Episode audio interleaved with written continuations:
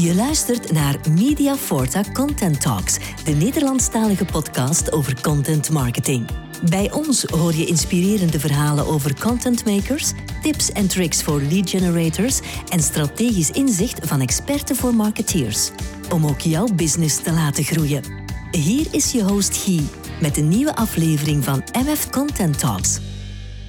Dag luisteraars, uh, welkom opnieuw uh, of voor het eerst bij uh, Content Talks. Normaal ben je van ons een uh, Nederlandstalig gesprek gewoon, maar we gaan even over de plas voor een op- en top Europese ontmoeting. We hebben een afspraak met een uh, Griek die een uh, groot deel van de wereld heeft rondgezworven en vandaag woont en werkt in Londen. We voeren het gesprek in het Engels.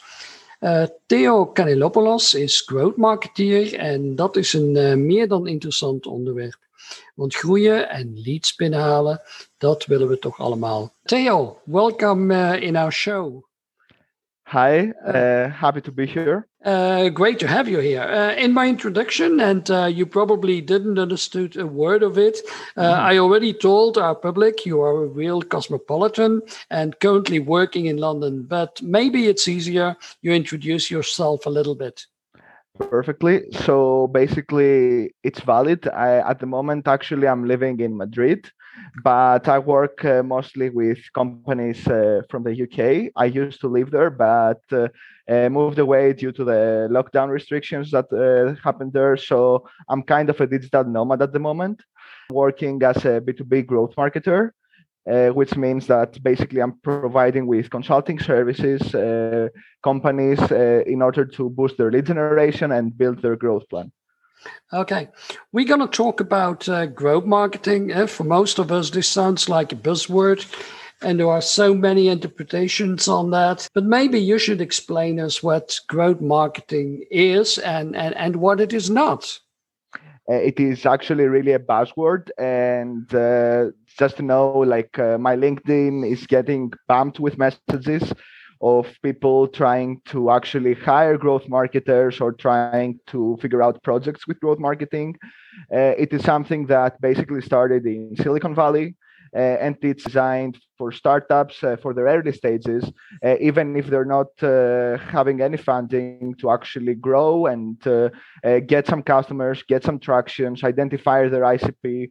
For me, basically, I'd say it's kind of like a marketing 2.0 uh, which is uh, focusing more on actual results, on actually figuring out and boosting uh, your conversions and getting people uh, signing up to your business. Okay, very, often people think it's an it's a new discipline. Uh, um, uh, is it the case, or is it uh, just another name for, for marketing best practice uh, we know for a long time, such as conversion optimization, lead gathering, um, and all these things? So basically, that's the thing. I mean, that's what I, I'm uh, referring to, and I'm referring to growth marketing as just like a, a, new version of doing marketing, which is focusing more on data and figuring out uh, where they drive you and boosting uh, those either channels or segments of the market uh, instead of uh, going overall in the market and uh, trying to figure out. And also, it's a part of trying to find innovative ways to drive growth. Another popular uh, designation is, is growth hacking. Uh, is growth marketing and growth hacking the same thing, or how is it different? Yeah, uh, happy that you asked. Basically, it's what I re- was referring before. Uh, it is uh, basically the fact that uh, with growth hacking, you find innota- innovative ways to actually drive your growth and your marketing. I mean, I don't know if you have quite heard uh, the example that was made by Airbnb and uh, how because they knew really well their ICP, and with ICP I mean ideal customer uh, persona is how they actually created a lot of growth by actually making really easy uh, to fill in your data from Craigslist because all their customers were there to fill the data or, on Airbnb, and this is how they gained uh, really good traction at the very beginning. Mm. Okay. Um, what, what uh, you just told us, do we need to consider it as a technique or, or is it a set of techniques or, or is it rather a mindset? Yeah, uh, for me, it's basically a mindset. Is first of all, uh, it's really necessary to, un- to understand your ICP really well, to understand who your customers are and uh, what the channels are they involved in. Uh, maybe the websites, uh, maybe it will be something really specific like uh, what Airbnb did. Uh, and the important thing uh, is uh, basically that you have this mindset that you can actually create a lot of traction really fast and easy if you experiment yourself and uh, you actually uh, test out uh, these different channels and then boost the channels that seem to have the best conversion rates. You prefer to talk about uh, growth as a model. I guess that entails the specific tactics for growth on a particular uh, channel or for a brand or product. Is such model part of a growth strategy or is it a strategy itself? So, yeah, uh, for me, actually, uh, it is a growth process that you have to follow. Uh, instead, in order to actually build your SaaS and uh, build upon it. Uh, because uh, basically, what uh, most founders uh, do wrong uh, is that they focus on many variables at the same time. And that is really easy to actually lose focus. I've seen it in many examples in the past. worked with many companies. The companies that do well and actually grow and to reach this 1K, 100K MRR goal is the companies that are actually able to uh, to narrow down the variables they have. So for me, if you follow a model and some processes, and for example, uh, what I advise my customers is that they start with uh, outreach because it's the most cost efficient way to actually validate your idea and find the product market fit. And uh, afterwards, scale uh, to the ICPs that you have identified through webinars and ads this is how you can actually gain a lot of traction and uh, gain that cost efficiently without uh, actually putting a lot of effort in channels that you don't know that they will uh, have an ROI. Okay, I have heard it's it's really a process. But um, many expect from the word growth and and, and certainly hacking uh, that all these techniques are aggressive and thus fueling uh, rapid market expansion. Is that correct? And is that part of the growth model or growth process you practice? So basically, uh, it is expected with the word growth, and this is why this is such a buzzword that you can gain growth really fast and really easy. Uh, the idea uh, is not quite that. Uh, the idea is that you can actually experiment and figure out a market and uh, product market fit really fast and easily. And once you have that, then creating specific content, you can actually uh, generate growth. But it's not something that uh, is always proven that will provide you growth if you don't do it consistently and if you don't practice it and experiment uh, in different ICPs and different channels. Mm-hmm. And, and and talking about that marketing fit, um, uh, what are the other marketing building blocks that intervene with growth marketing? Uh, I guess uh, a good portion of uh, strategic brand marketing, a strong view on, on data capturing and analytics to watch the performance, and a whole program uh, of customer activation. But I'm uh, certainly missing out things. Um, uh, for me, the most important thing, and this is what I've seen also in founders that I have actually succeeded as clients of mine and I have helped them, uh, is that uh, they actually gain a lot of uh, industry expertise and they have a lot of industry expertise. So they actually know the channels, they know uh, where the people that they are actually targeting are. apart from it, for me, a sales team in the early stages is something that is super important. Having people that can actually push the leads uh, for further the funnel. Uh, especially if we talk about high ticket services, uh, which is basically most of my uh, clients. Uh, so it's totally about uh, creating these processes that will enable you to uh, push people through the funnel as well as branding activities and that can give you authority uh, creating content uh, on linkedin for example if it's b2b uh, generating content and actually knowing how to monetize on that content uh, with growth hacks Okay, I retain from that also that it's close to the close to closer to sales than than some other marketing uh, practice. Um, how does growth marketing uses uh, content marketing and and communicate and communities? Is there a kind of interaction? Yeah to, uh, to follow up to what you said basically mm. it's totally uh, closer to sales and the reason mm. is that the kpis for these marketing activities are not impressions as like uh, it used to be with uh, digital marketing but it's conversions and you want to actually see that you have actually identified uh, people and uh, target audience that actually converts to a paying customer instead of just uh, watching your ads or interacting with your website. Uh, to, now coming to your second point, for me, content marketing is uh, really important. Uh, for me, a way that I validate a lot of uh, our ideas is through community marketing. So getting early on communities, uh, generating feedback from uh, users and getting early adapters uh, is something that uh, I have been utilizing a lot.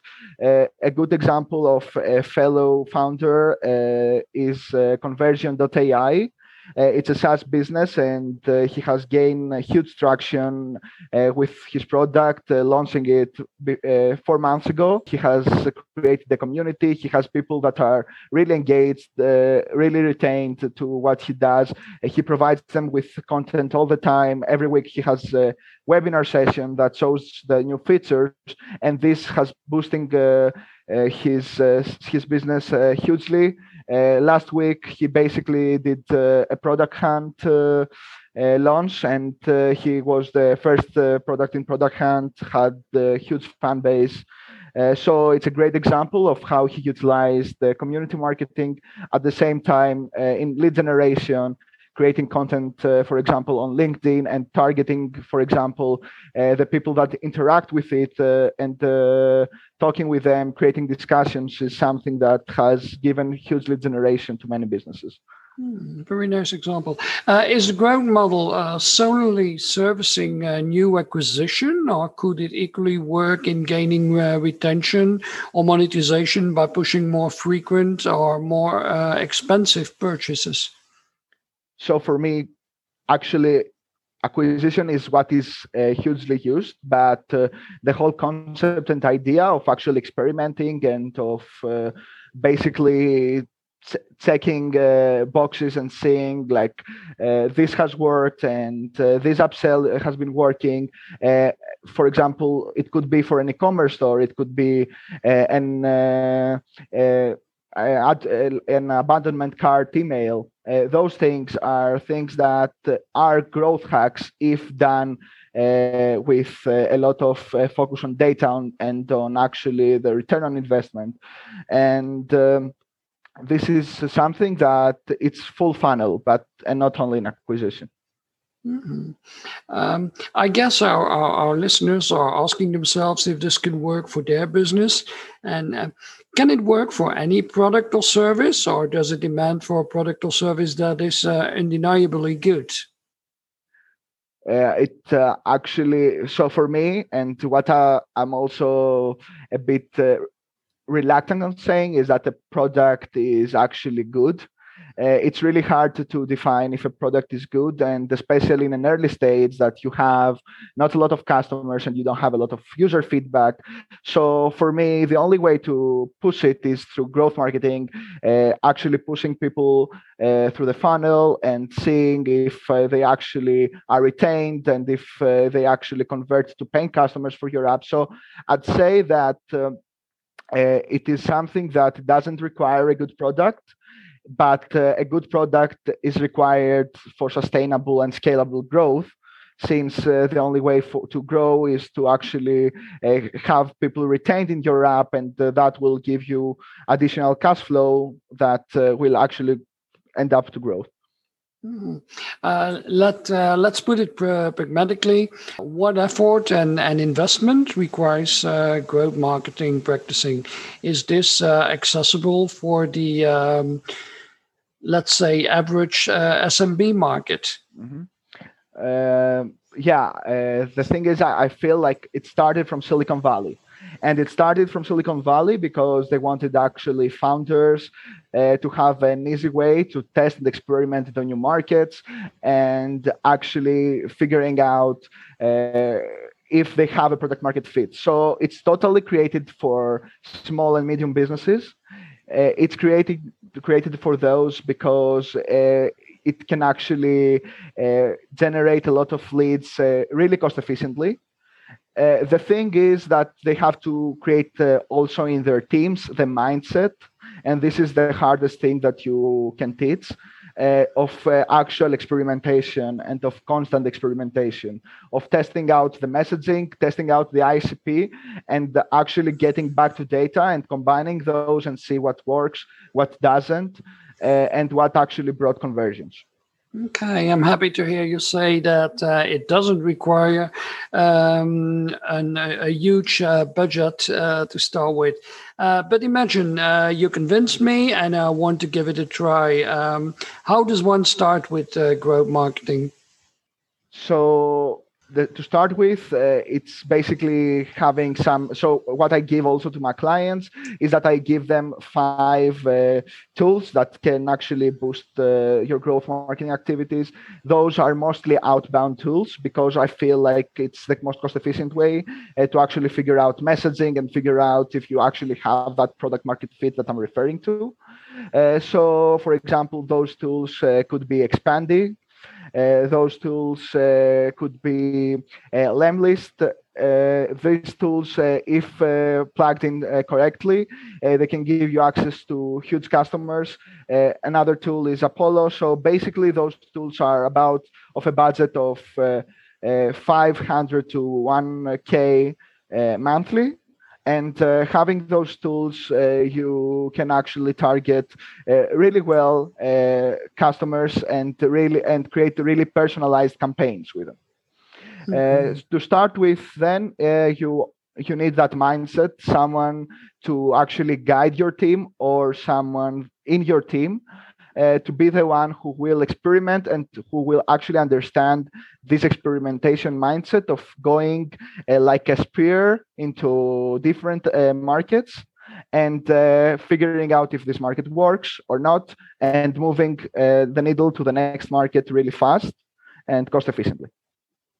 Yeah cost efficiently but but uh, if you if you talk about 500 to 1k a month it's of course an uh, yeah, and, and a quite um, important um, investment. Hmm? Uh, I mm-hmm. think uh, for me at the moment, uh, for me, uh, the leads that you generate uh, are about. Uh, like for for a high ticket service, meaning 1k per month for your service, you can generate up to four to eight leads per week, mm. which means that if you have a well-defined sales process and a good team, uh, the cost is uh, not uh, really important. Yeah, but paying for paying paying back. yeah, totally. But uh, I mean, you can always find tools that are solving the problem, uh, even uh, with. 200 euros but for me the best tools are valid okay. at okay. this price point Okay. What what are the things I should avoid, or or or to uh, or that I uh, have to be skeptic about? For me, I mean, what most people do wrong is just going over everything, trying to do everything at the same time. Founders are trying to do content marketing, and then they see that another company has created really good uh, traction with uh, Google Ads, and they go into Google Ads and they lose the focus uh, so easily. Actually, create a strategy and trust that process and hearing from the market constantly. And also, the second tip that I would give is actually not going over everything, uh, but uh, instead focusing on one really specific niche. Uh, every company that we have seen succeeding, even the ones that are now global and serve everybody, like Facebook, they all started from a really specific niche. For example, Facebook started from uh, uh, having uh, just the Harvard students, or for example, Canva they started from actually only having schools as their clients. So you start really niche specific, and then you can actually find the neighbor markets uh, to that and expand. Okay, as in uh, so many uh, marketing disciplines, uh, taking a step by step approach um, is, is also the best uh, in this. Uh, we are almost at the end of, of our interview, and I always ask my guests to share a key advice for our listeners. What is your ultimate tip in relation to our topic, of course? so I think I revealed it in the previous question. Mm-hmm. Uh, for me, it is totally to actually uh, pick a niche and do quick experimentation to figure actually do quick experimentation and once you have figured out a niche that works pick that niche and grow through it uh, thank you theo for, uh, for your time en uh, beste luisteraars ik hoop dat uh, jullie wat opgestoken hebben van uh, dit gesprek en vlot konden volgen wat Theo ons vertelde. Laat ons gerust weten via de sociale kanalen van Media Forta of jullie het leuk vonden dat we over de grens gingen en ook een Engelstalige spreker naar voren brengen. Dan is dat misschien voor herhaling vatbaar. Naast onze podcast kan je natuurlijk nog veel meer content vinden op de blog van Media Forta. Blog.mediaforta.com, dat is makkelijk.